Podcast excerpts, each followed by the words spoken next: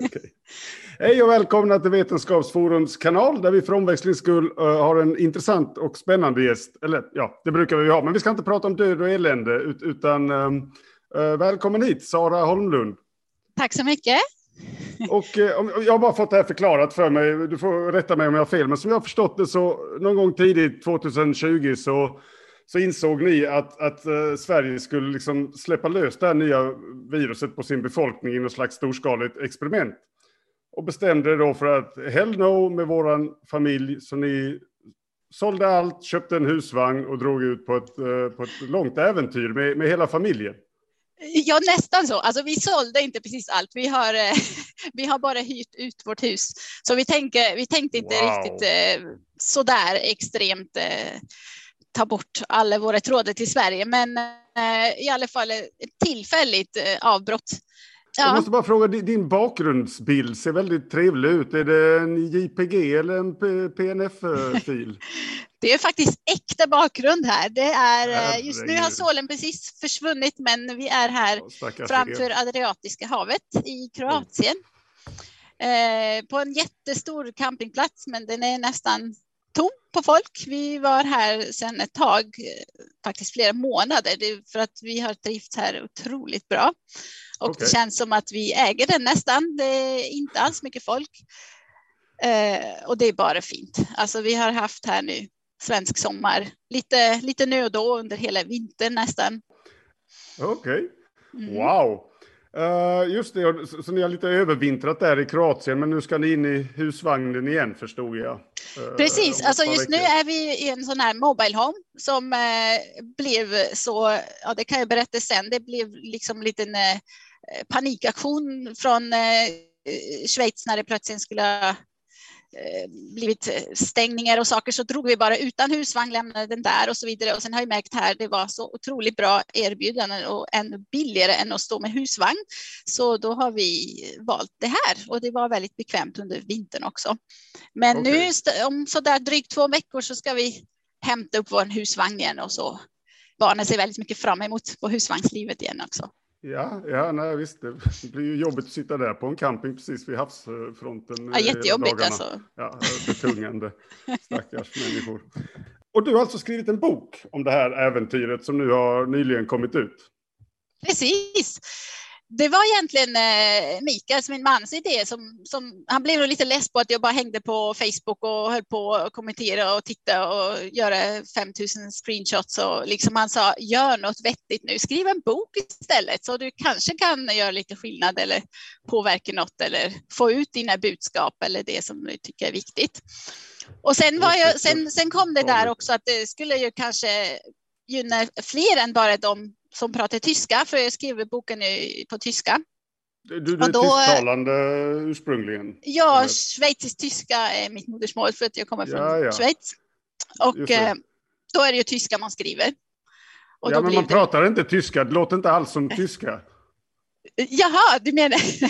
Nej. För, alltså, min tyska är hyfsat god, men jag, hade, jag bodde några dygn hos en bonde på någon schweizisk kulle för, för tiotal år sedan. Min bil hade gått sönder och han hjälpte mig att laga den, men, men det var helt omöjligt att begripa vad han sa. Ja, men då är du inte ensam. Även tyskarna fattar ju ingenting, så för det mesta, om de inte lär sig lite och förstår. Så det är ju väldigt eh, bondläpp där, eller det, det, är liksom inte riktigt bara en dialekt, utan det är typ ett eget språk. Bara man inte kan skriva det, så vi får alla lära oss tyska i skolan. Ja, Schweiz, ett land med, med, med bondläppar alltså. Ja. Men, eh, vi, vi, går vidare. Kan, kan, kan, man få se den här eh, boken? Eh, har du Absolut. Den med dig?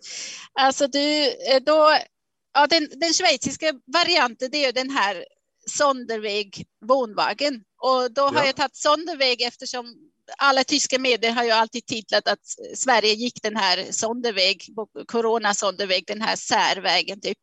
För ja. inget annat land i världen höll ju på som Sverige. Så då, då tog jag vår alldeles egen sonderväg blev ju då i husvagn istället. Precis. Och sen eh, kom det de två andra versioner. Ehm, den engelska som är, tycker jättelyckad av, av en eh, översättare, en professionell översättare som har gjort jättebra jobb och den svenska som eh, jag och min kära make som är svensk också, vi har fått ihop den. Den heter Hej då Corona. Och eh, ja, om, om man skulle vilja köpa dem, de finns ju på Amazon. Lite på alla möjliga Amazon-sidor, men fast inte på den svenska Amazon, för de har än så länge inte stödjat eh, self-publishers. Så det blir kanske lite knasigt att få det från Sverige har jag fått höra av några. Jag tänkte så här, från och med en vecka från nu, idag, så kan man eh, höra av sig till mig med ett litet PM så där och skicka sitt, sin adress. Och då kan man få ett signerat exemplar. Då får man också säga vilket, vilket språk man önskar.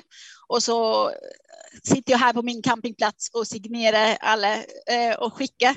Det kan dröja kanske några veckor, men då får man det lite extra personligt. Så där har jag tänkt och annars kan man beställa på Amazon.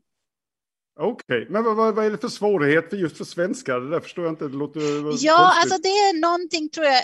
Både, jag har lite misstanke att det är någonting med svenska skatteregler och grejer och samtidigt något med Amazon och eh, Sverige det är lite knasigt. Jag, vissa har inte alls lyckats hitta det, andra fick gå på Amazon.com och andra har... Det, det, det, är ju lite roligt faktiskt, man kanske inte ska dra för stora växlar på det, men att, men att liksom den, den, information som är lättillgänglig i resten av världen är liksom svår att komma åt i Sverige. Det är lite ja. ett, ett symptomatiskt tema för hela den här pandemin. Att lite så faktiskt, ja. Munskydd funkar i alla länder utom i Sverige. uh, yes. Ska vi rulla tillbaka bandet ett år då? Mars 2020, vart, var, vart var ni då? Ja, då var vi i Sverige. Och eh, jag har följt det där, eh, hela utvecklingen egentligen Kina och sen Italien och hur det började rulla över Europa där. Och jag har alltid följt det liksom i både svensk media och även liksom utländsk media, bland annat tysktalande olika. Och eh, ja, jag var väldigt förvånad över den här liksom, eh, stora skillnaden i rapporteringen, hur alltså man såg ju helt annorlunda på det här utifrån Sverige. Och eh, ganska så snart märkte jag alltså det, det här kommer inte bli som i alla andra länder. Det, Sverige verkligen väljer någon helt annan väg. Jag till exempel satt ju någon gång i arbetslag och då hade vi en kollega som var där och hostade och snorade och så där och bara skrattade lite. Ja, men ja, vi kommer ändå alla få det. Och, eh, ja. Det var faktiskt sista gången jag såg mina arbetskollegor. Vi var sen hemma med symptom i två månader, familjen. Eh, vi brukar annars aldrig vara sjuka. Sen vet man absolut inte om det var corona. Det kunde man ju inte få ta reda på.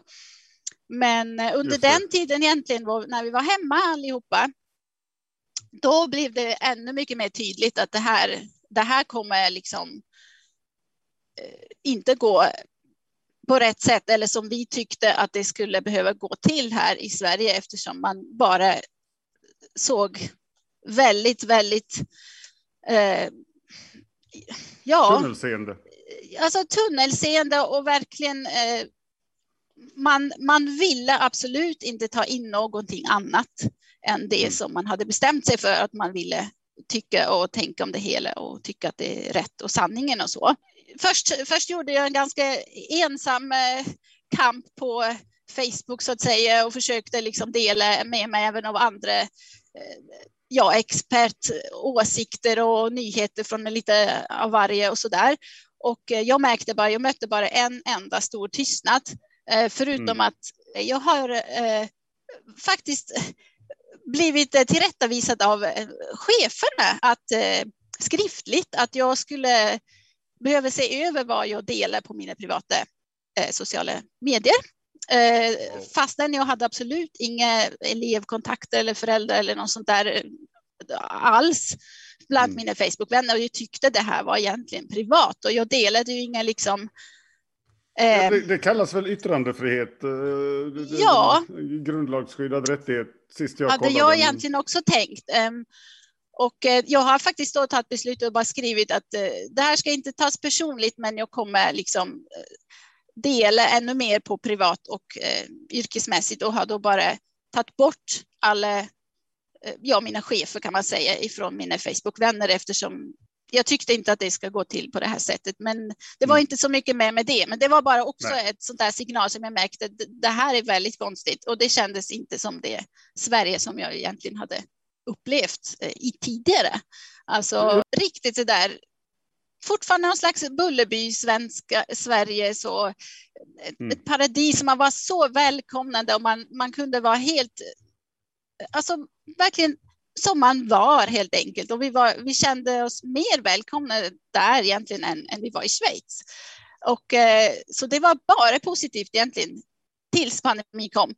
Ja. Men sen märkte jag att då, då var det ändå inte riktigt så där hela vägen som man fick liksom vara och tänka som man ville. Alltså i Sverige kan man ju, du kan gå runt med liksom grönmålade öron och gilla havregrynsgröt med surströmmingssås eller vad som helst. Det är helt okej, okay, typ. Men du kan inte säga något emot vad myndigheterna säger tydligen. Nej. Och det var nytt för mig. Ja, det, det, är något jag har hört från väldigt många människor, speciellt med utländska rötter, som då liksom fick helt, liksom diametralt motsatt information mm. Eh, där under våren och som liksom delade det här. Bara vänner ville diskutera och, liksom helt plötsligt fann att, att vännerna tog avstånd från dem. Jag har hört samma historia om och om och om igen och, och, och liksom Eh, ja, folk på studentkorridorer där de andra slutade prata med dem för att de hade då liksom en, en avvikande uppfattning om pandemihantering. Det, det, det är något, um, något djupt här som har liksom på något sätt kommit till ytan tack vare pandemin. Ja, liksom... kommit till ytan kanske. Alltså jag, för mig var det verkligen fullständigt nytt och jag, jag, var, alltså jag var nästan mest skrämd av det måste jag säga, av att mm. hur svenska folket och ja, vänner och bekanta och i princip den stora massan, liksom hur, hur de har reagerat respektive inte reagerat. Alltså det var bara en, egentligen en stor tystnad framför allt. Eh, men sen även liksom gick man till ganska hårt angrepp så fort man liksom yttrade sig i någon riktning som liksom var inte passande och så. Och eh, jag hade kanske, alltså jag tror att jag gick in i det hela med, jag var kanske lite o, lyckligt ovetande sådär och hade lite avstånd som så jag var inte riktigt infödd i det där och visste inte så mycket egentligen om svensk mentalitet eller kultur eller hur man skulle Nej, bete det, det, sig. Det är nog många som fått sig en, en kalldusch av det här och känner sig lite som en väninna som jag pratade med häromdagen som har bott här i 20 år liksom. Och sa jag, jag känner mig lurad. Jag, hade ingen, jag har bott här i 20 år och ingen aning om att det var så här. Men man märker det ju inte för man har en avvikande åsikt om någonting va? Precis. Och tydligen så, jag tror vi var, dittills var vi verkligen väldigt anpassade troligtvis. Alltså vi kom dit och vi har verkligen försökt integrera oss direkt. Vi har, jag har också direkt hittat eh, jobb eh, på två olika ställen och sen hade vi köpt hus och två hundar och vi levde liksom det vanliga Svenssonlivet kanske. Och, um, och sen plötsligt kände vi oss helt främmande. Alltså det, det, det var bara svoops och sen eh, kände man sig kanske ändå inte alls svensk eller, eller så är det här något helt annat och svenskar kan också, också känna sig så.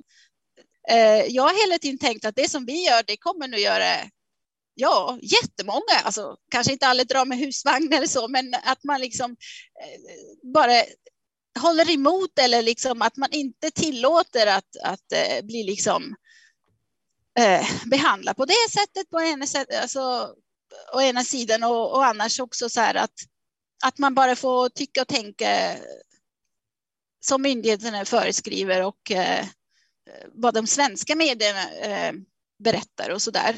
Mm.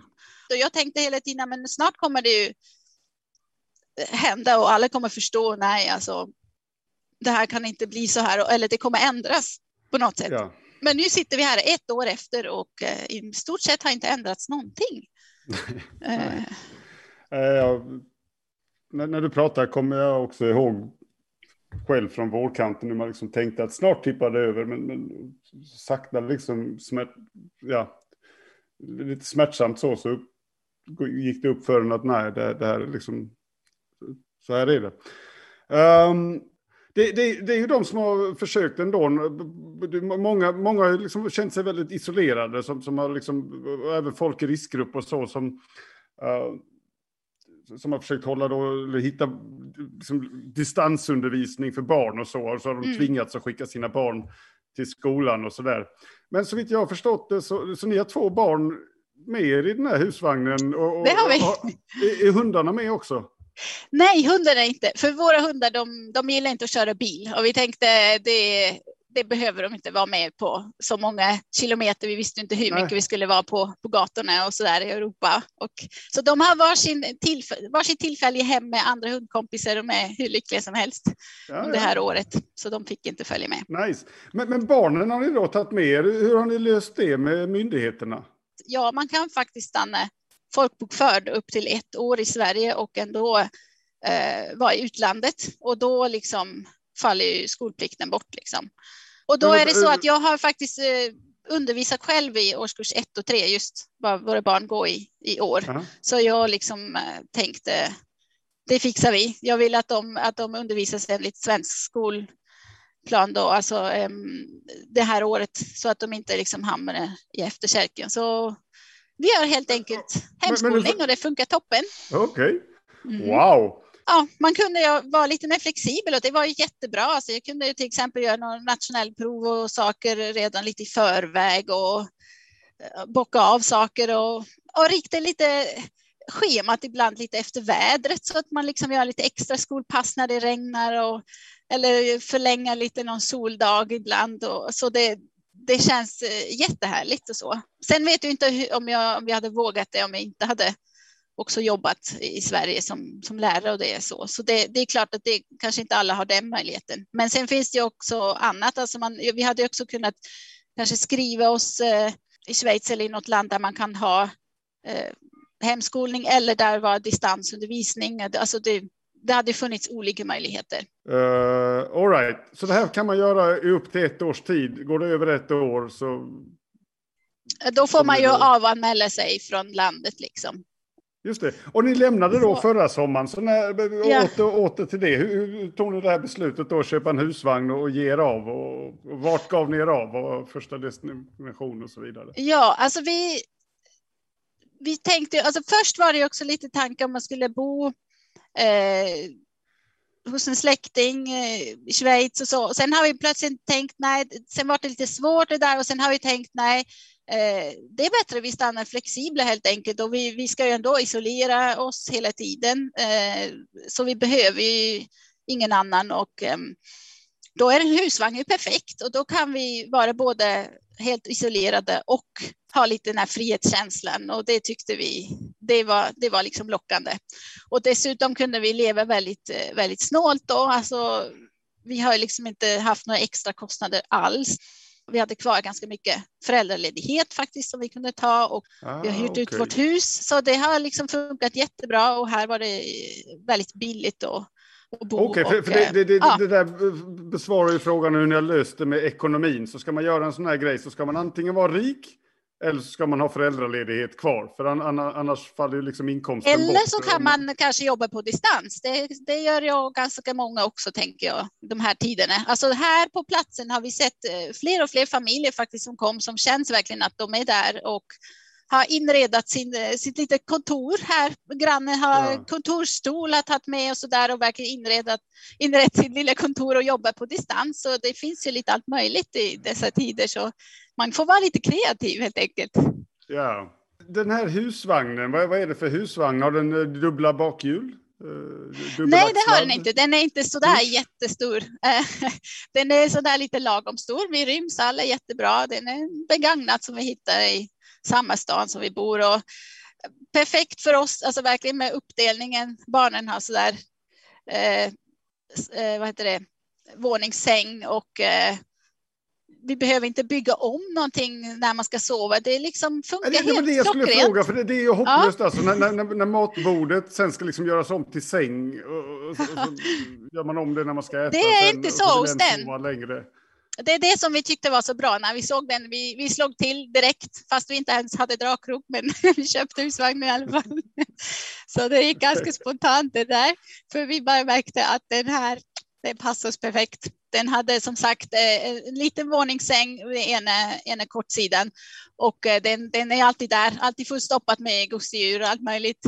Så det är barnens hörna och sen har vi vår säng på precis motsatta sidan, också på kortsidan och den är jättemysig och alldeles tillräcklig och stor, vanlig dubbelsäng och sen har vi matbordet i mitten också. Så det okay vi, var, men vi var helt nybörjare, alltså vi har aldrig någonsin haft husvagn eller, eller bott så där.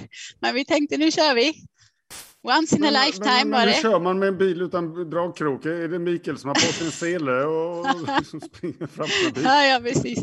Nej, men eh, det var en snäll typ som har sålt den till oss och han, han, vi fick ha den kvar där på parkeringen några dagar till så vi, han fick sig dragkrok. Okay. så det löste sig.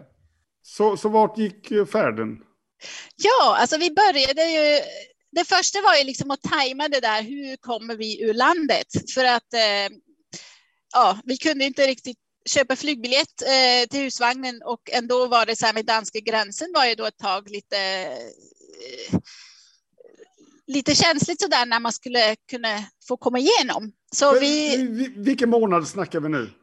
Eh, när var det egentligen? Ja, men det var till slut var det där i juli som vi som vi slinkade ut. Eh, okay, då... men, men, men, husvagnen köpte ni i Schweiz eller? Nej, nej, nej, det var i Sverige. Det var i Sverige. Men, men du, du, kan ju inte flyga med en husvagn i bagaget.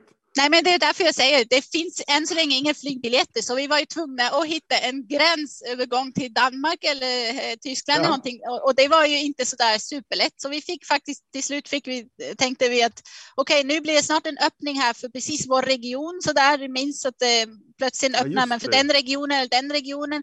Så vi tänkte okej, okay, nu, nu snart är det nog dags för vår region för tal, alltså smittotal gick lite ner så där.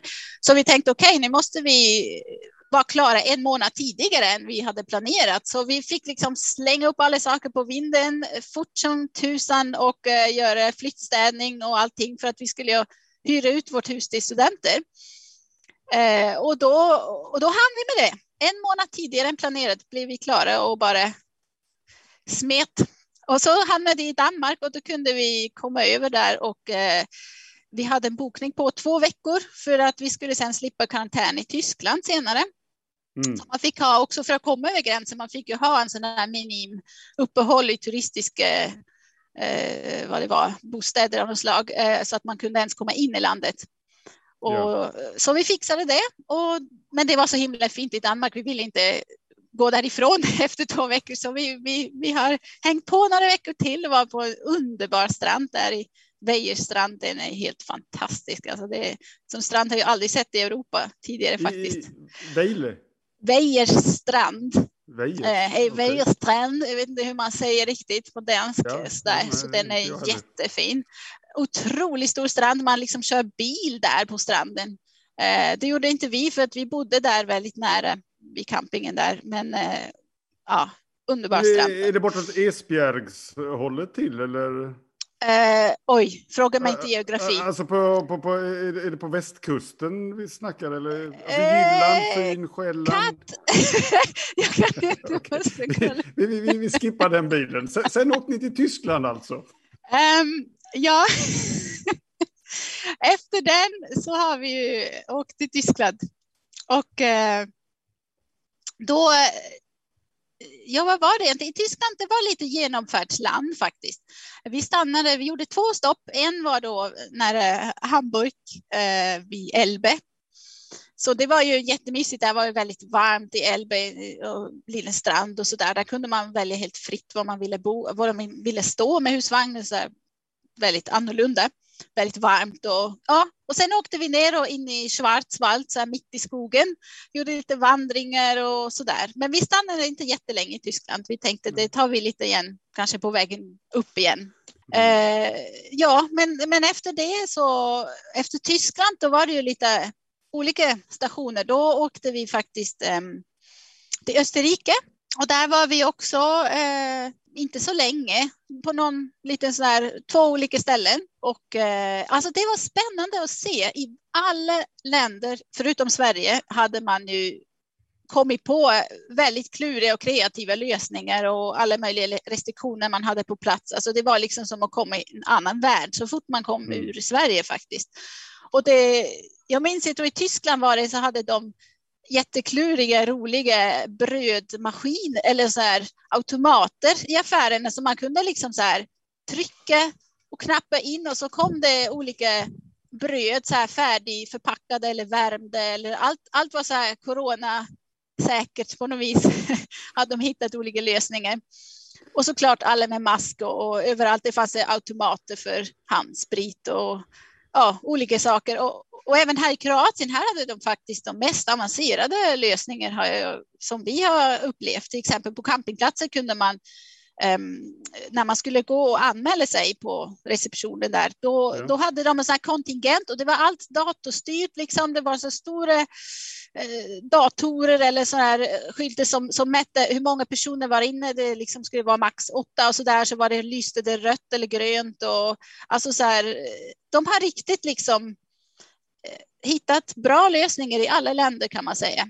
Det var nästan mm. bara Sverige som allt kändes som normalt ja, efter det i, då kom vi sen till men det, det, det är mycket snack här om att eh, Sverige är eh, liksom det fria landet i Europa medan de andra länderna har blivit diktaturer. Det var en eh, rubrik i SVT häromdagen att resten av Europa har blivit då, fallit offer för diktatoriska regimer som använder coronan. Hur ställer du dig till det påståendet? Känner du att du är i en diktatur just nu? Alltså, titta ut här. Nej, alltså personligt har vi absolut inte upplevt någonting av det. Men det måste jag också säga att vi har ju inte varit i samhället någonstans Nej. egentligen. Alltså, vi har ju levt komplett isolerade och det var väldigt enkelt det också.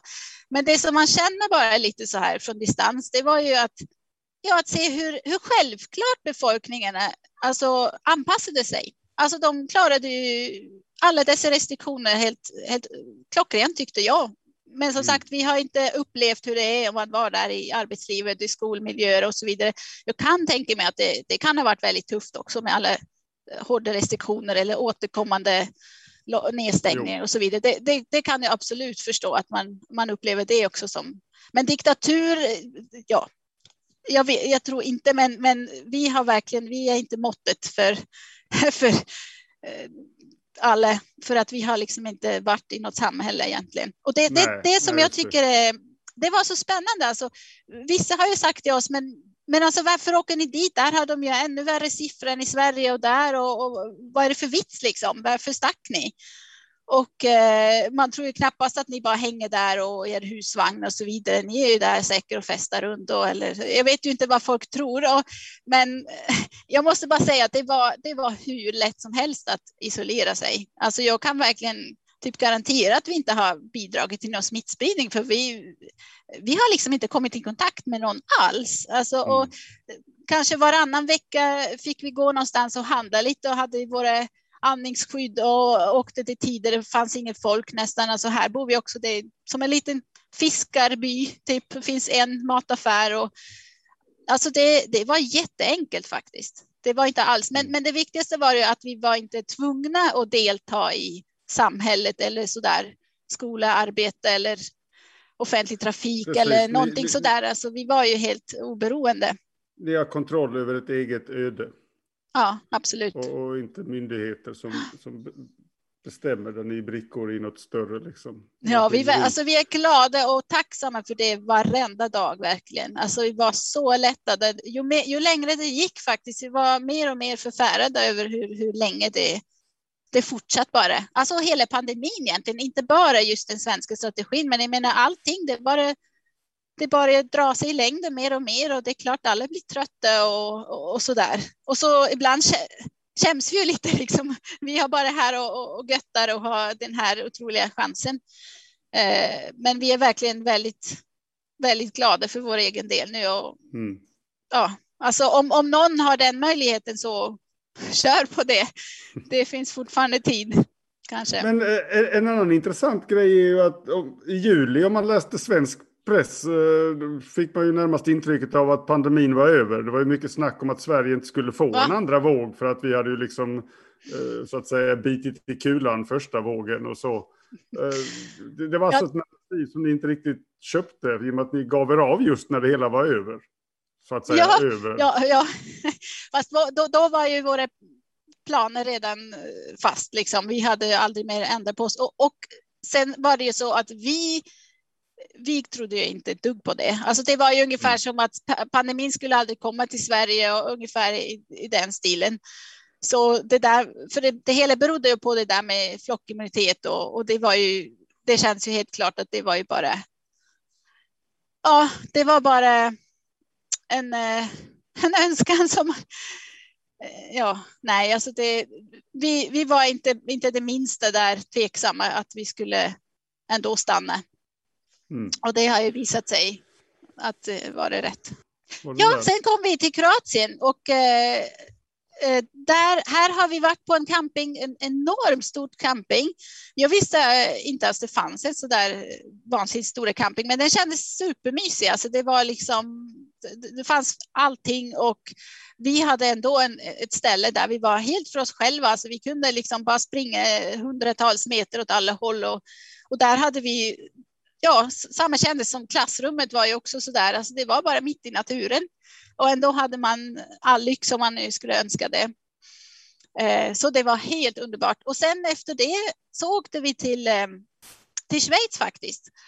Eh, så gick vi lite och hälsade på min mamma där som bor lite i Alperna. Och, så ska du från Kroatien till Schweiz, då åker du in i Italien och sen över till Milano där någonstans och sen rakt upp och så. Ja, så, där via Venedig-trakten där någonstans åker man sen eh, och sen raka vägen eh, eftersom min mamma bor längst, längst ner i hörnet där egentligen som gränser till Italien och där man pratar okay. retoromanska det där fjärde officiella språket och där, eh, där kom vi in bara raka vägen från Italien. Så det, det var egentligen inte så komplicerat. Det går ganska fort här.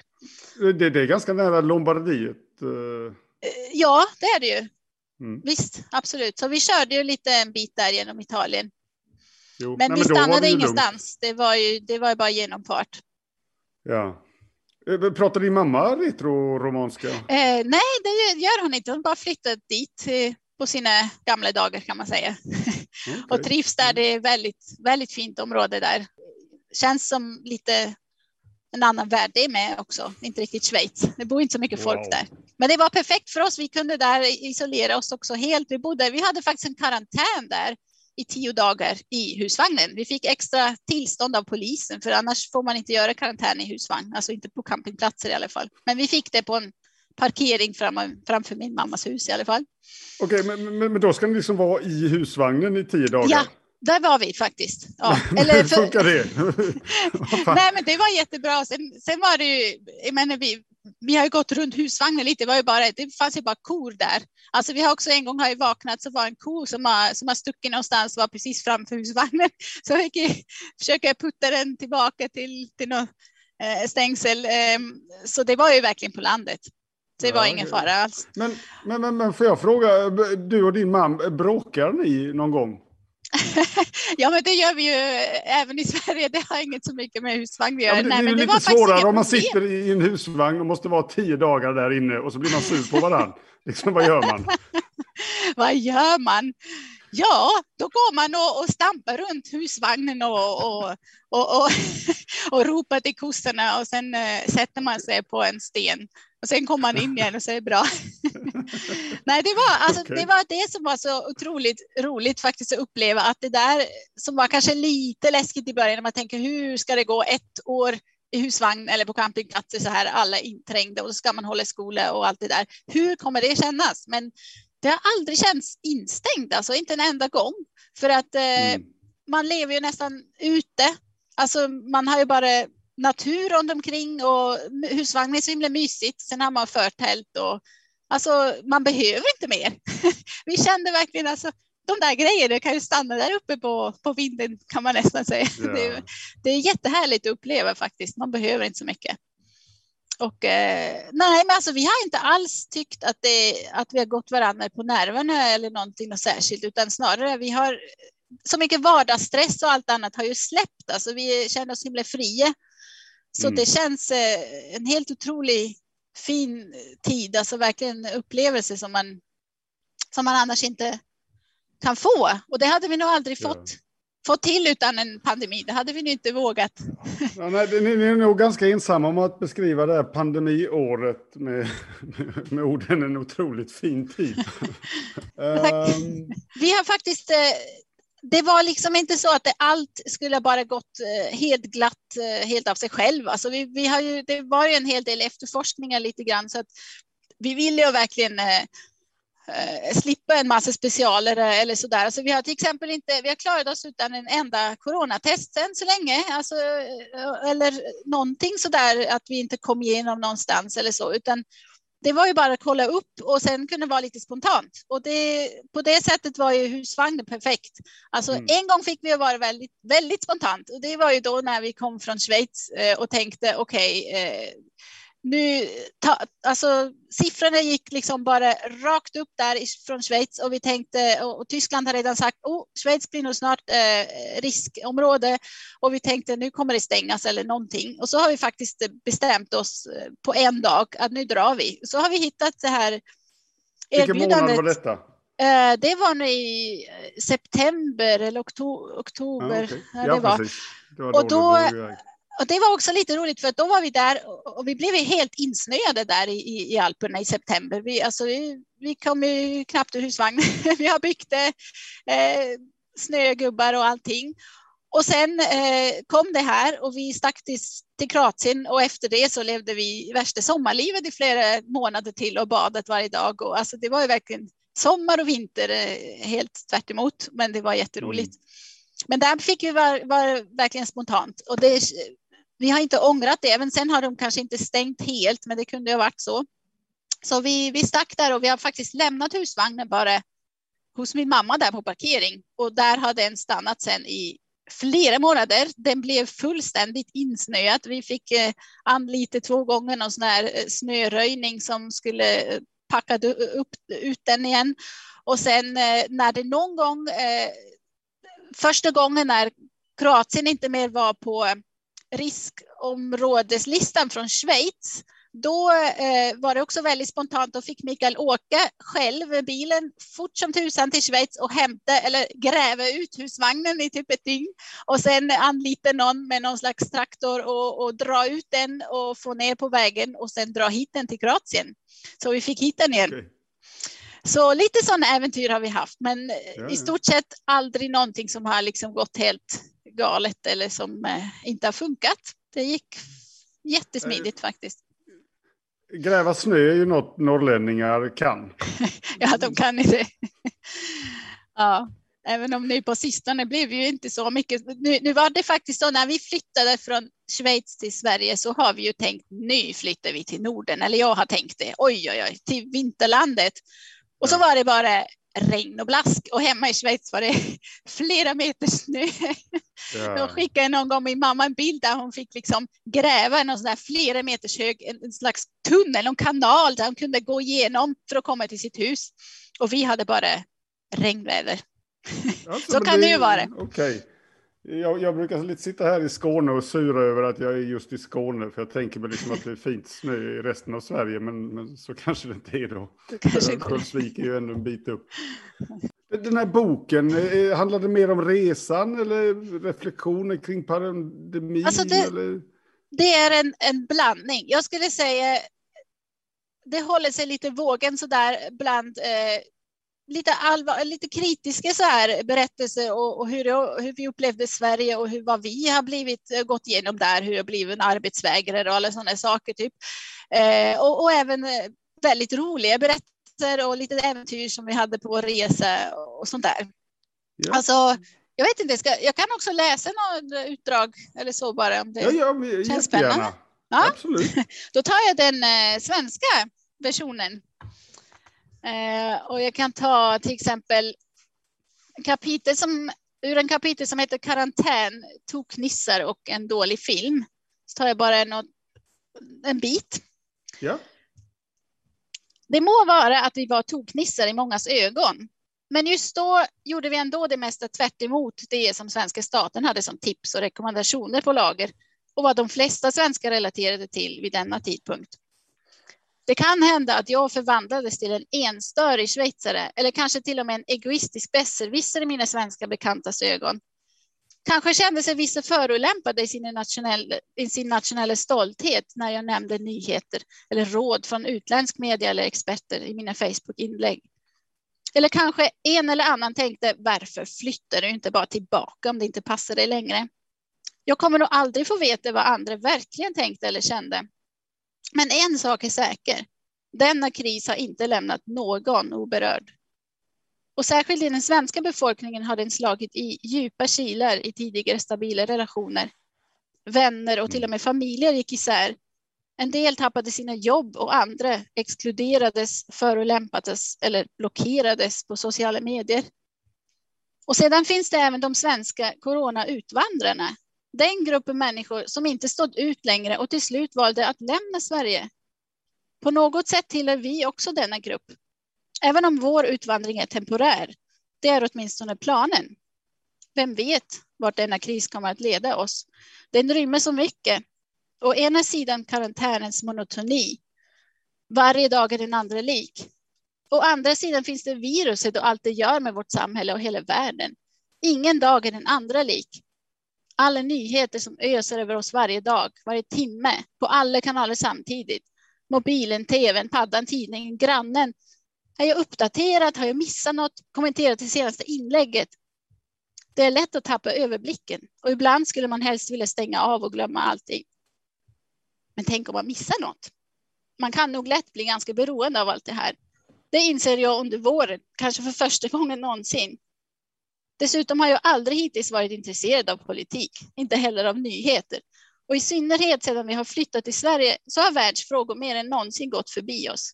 Vi har verkligen varit aldrig uppdaterade och det skulle ha varit rent ut sagt pinsamt om någon hade velat diskutera en aktuell fråga med oss. Vi hade noll koll. Och sen kom corona. Med ens blir det mycket viktigt att hålla sig uppdaterad. Plötsligt beror till och med konkreta beslut för oss på det och politiken blir dagligt närvarande, även i vårt vardagsrum. Men ändå så finns det något helt absurt i det hela. Som om allt egentligen skulle utspela sig någon annanstans. Eller som om vi bara var statister i en film.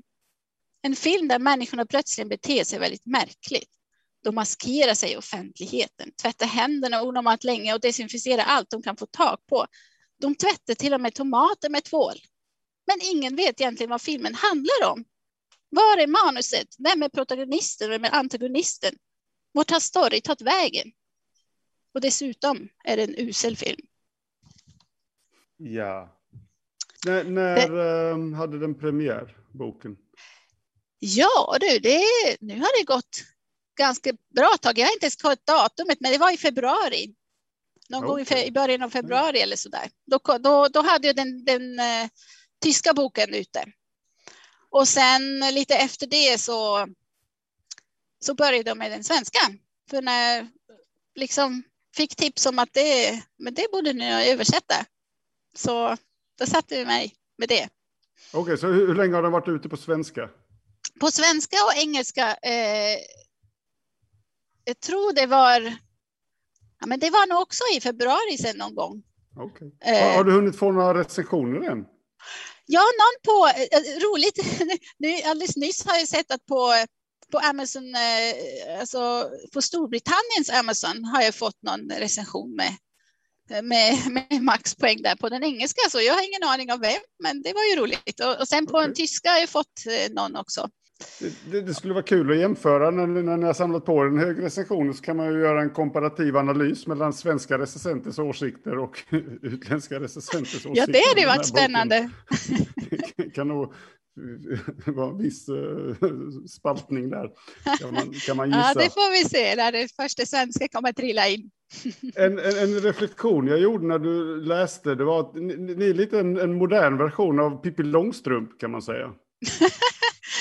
Tycker du? Vad, vad, är det, vad är det du kom på den tanken då för?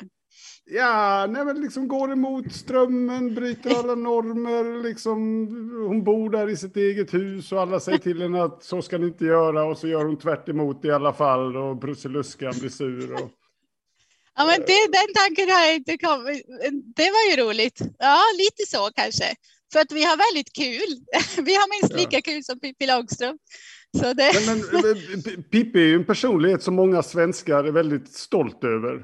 Ja, det är ju så. Frågan är om Pippi skulle funnits i verkligheten, skulle hon blivit utstött och blivit kallad haverist? Eh? Demokratifiende. Ja, kanske. Mm, ja, mm. ja det, det hade varit spännande att se och veta faktiskt, en modern Pippi. Men, Intressant äh... fråga. Um, har, har, du någon, um, du kanske skulle kunna läsa någon till Ja, men jag har ju någon liten... Något, lite glättigare sektion. Då ska vi se här. Nej, det är svenska igen. Vi har ju upplevt en rätt många djurhistorier lite på vägen. Det, det är som med mig alltid. Var jag än går så, så upplever jag djurhistorier. Det är på något vis, även om jag lämnar hundarna hemma så då blir det ju andra som kommer istället. Eh, här kan jag läsa någonting ur kapiteln Författarstuga och Klopfgretli. Och det här är ett litet utdrag här från mitten.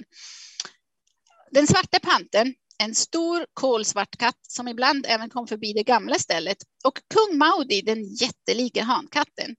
Största hankatten jag någonsin sett i mitt liv. Om inte allt om honom hade sett ut som en huskatt skulle jag ha undrat om det var ett annat djur. En absolut koloss av en mansbild med tjocka tassar, ett otroligt huvud och majestätisk hållning. Och sen har vi Klopfgretli. Redan första dagen gör hon tydligt för oss att hon bor här också och att hon älskar kattmat. Klopfgretli är ett stort fiskmåsexemplar. Ungefär som en ordentlig höna på två gula plaskfötter. Efter kung Maudis måltid hittar hon några fler smulor kattmat och när hon slukat dem knackar hon utan minsta tvekan på vårt fönster som bara den. Hon förtjänade åtminstone tre smulor till. För trots allt fick ju panten och kungen också sina ransoner. Och så blir det till en tradition att Klopf Gretli kommer på en kort visit varje morgon, knackar på fönstret och avhämtar sina få smulor kattmat. Efter det travar hon ett par tre varv över poolöverdraget som gungar så roligt över hennes, under hennes plaskfötter och ger sig sedan iväg på sin dagstur genom de adriatiska vindarna. Vem vet, kanske har detta varit Klopfgretis poolpalats sedan länge och vi är de egentliga gästerna här. Så det här är ju ur vår tid eh, i poolpalatset. Det var också en sån där roligt som har hänt här i eh, Kroatien att plötsligt har jag upptäckt på på hemsidan av eh, campingen här att de har faktiskt fem jättelyxiga sådana här eh, stora bungalows med egen pool som var alltså superbilliga. De kostar liksom, det var liksom 95 procent rabatt och så har vi bara bokat. Tänkte vad nu så kör vi för att eh, ja, det måste man passa på. Dessutom har vi ju strax eh, tio års bröllopsjubileum och vår son fyller tio och jag eh, fyller 40 så lite får man väl fira om man liksom inte kan göra fester. Så vi har vi kört på och har badat där hela tiden under vintern och haft superkul och sett över havet och ja, helt underbart. Ja. Alltså det var en av de sakerna som vi bara tänkte så bra att vi bara, vi bara kör, vi bara gör. Då ställer ja, men... man halvt husvagnen i depåt. Det kostar ändå typ inget. Ja, nej, så därifrån så, är det. Så bor man nog inte i vanliga fall eh, kan nej, man tänka. Nej, och vi, är ju, vi skulle aldrig ha gjort en sån lyxsemester. Eh, vi är verkligen inga sådana och vi skulle, kommer nog aldrig göra det mer. Så det är verkligen och, den där once in a lifetime och då får man bara köra. Och Klopf Gretli, det låter väldigt schweiziskt. Eh, ja. Kung Maud och Svarte Panten, det, det är alltså lokala katter som, som har gjort sig Ja, bekanta. precis. Så vi har ju här, alltså här ligger det några katter, en, två, tre, fyra, ligger runt mig här. Eh, det är sådana där katter som lever här på campingen. De är ja, förvildrade katter kan man säga. De är, vi har faktiskt träffat på tre, fyra som var väldigt små, väldigt tunna när vi kom och de har vi Eh, matat eh, så de blev ganska fina ungkatter nu. Så jag tror de lever lite av folks rester och så där på campingen och det finns även folk lite i byn här som ibland som matar katter som kommer lite åt, eh, åt olika håll. Så det finns en hel del katter här, men de är jättegosiga och vi har alltid många av, på vår terrass här. vi matar dem lite. Sprider katter corona? Mm. Ja, alltså jag har faktiskt hört, vi är väldigt försiktiga faktiskt med det, för att eh, våra barn också, de går alltid och tvättar händerna väldigt noga efter det och vi har aldrig liksom eh, sådär. Vi ser faktiskt upp och det var en katt som har eh, hostat och lite sådär. Jag har hört att det att de kan ha det. Sen vet jag inte om de kan sprida det, men vi tar liksom ja. inte några vidare risker. Jag, jag, är inte rätt person att fråga, men jag ska faktiskt föra frågan vidare till, mm. till de som eh, kan i gruppen här, för det, det är mm. intressant. Jag, jag, alltså, minkarna sprider ju uppenbarligen viruset, det har vi ja. fått lära oss. Ja, det är en intressant fråga, men det, det är det faktiskt. sidospår. Uh, ska vi göra så att du håller upp boken en gång till och förklarar hur man får tag på den? Ja. Alltså här är till exempel den svenska versionen. Och eh, då kan man bara gå in det, det är er hus, husvagn där på bilden? Eh, det är vår husvagn, ja precis. Det är vår husvagn och där är vi faktiskt eh, i Danmark vid Vejerstrand camping. Och här mm. ser man lite den här otroliga stranden här. Här är jag lite på en dyn och då är det bara alltså så. Här ser man inte ens hur brett och vidd den är. Den är helt otrolig. Och den boken, ja som sagt, då, då kan man gå in eh, på Amazon eh, och det finns en både Kindle-version och eh, printversion av alla de tre språk eh, av mina böcker. Och lyckas man med det på Amazon.de eller .com eller någonting så här är det jättebra.